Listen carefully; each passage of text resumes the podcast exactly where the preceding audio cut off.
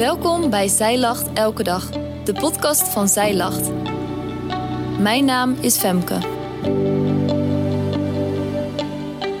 Dit is de overdenking van 20 oktober, geschreven door oudschrijfster Martina Franje.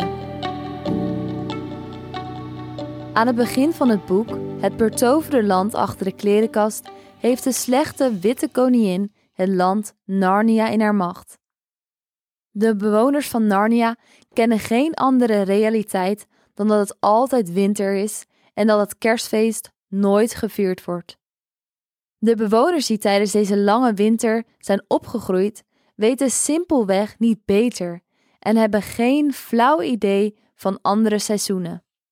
Voor de dieren die het ooit nog meemaakten, lijkt de lente een lange vervlogen droom.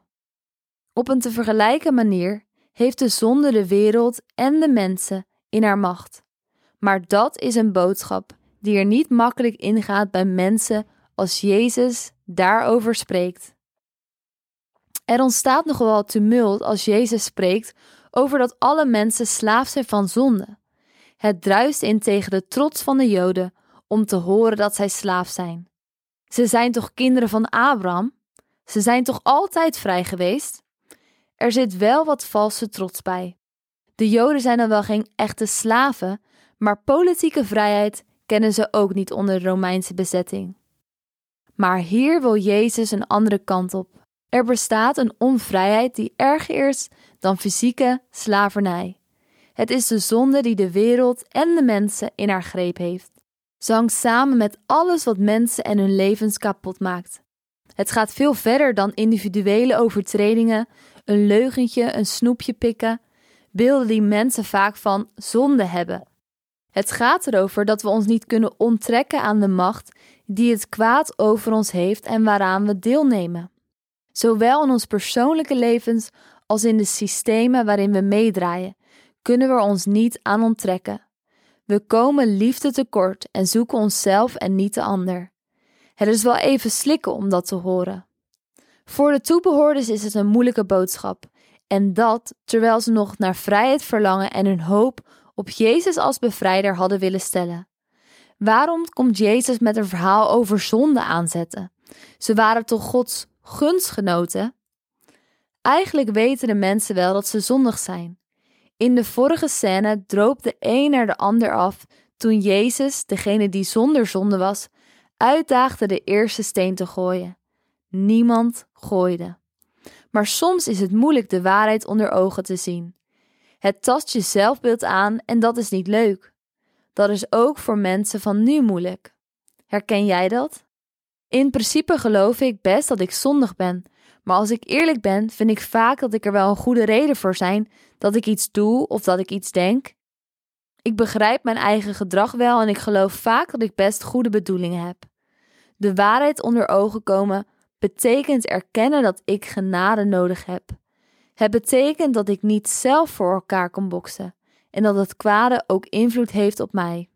Voor de tijdgenoten van Jezus is het moeilijk te horen dat het feit dat ze kinderen van Abraham zijn niet automatisch betekent dat ze kinderen van God zijn. Ze stelden hun vertrouwen op hun afkomst, maar ook in hun levens is de macht van de zonde een feit.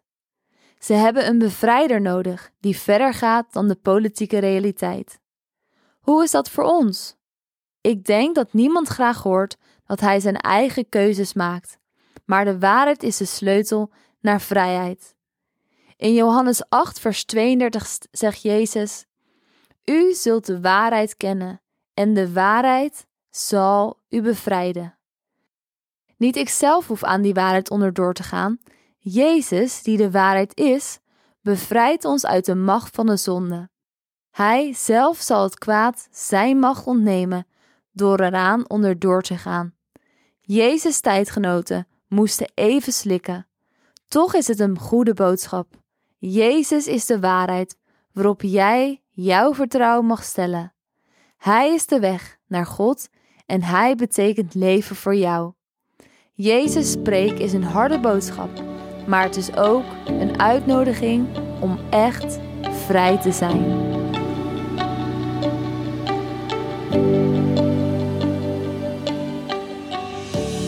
Dankjewel dat jij hebt geluisterd naar de overdenking van vandaag. Wil je de overdenking nalezen? Check dan onze website.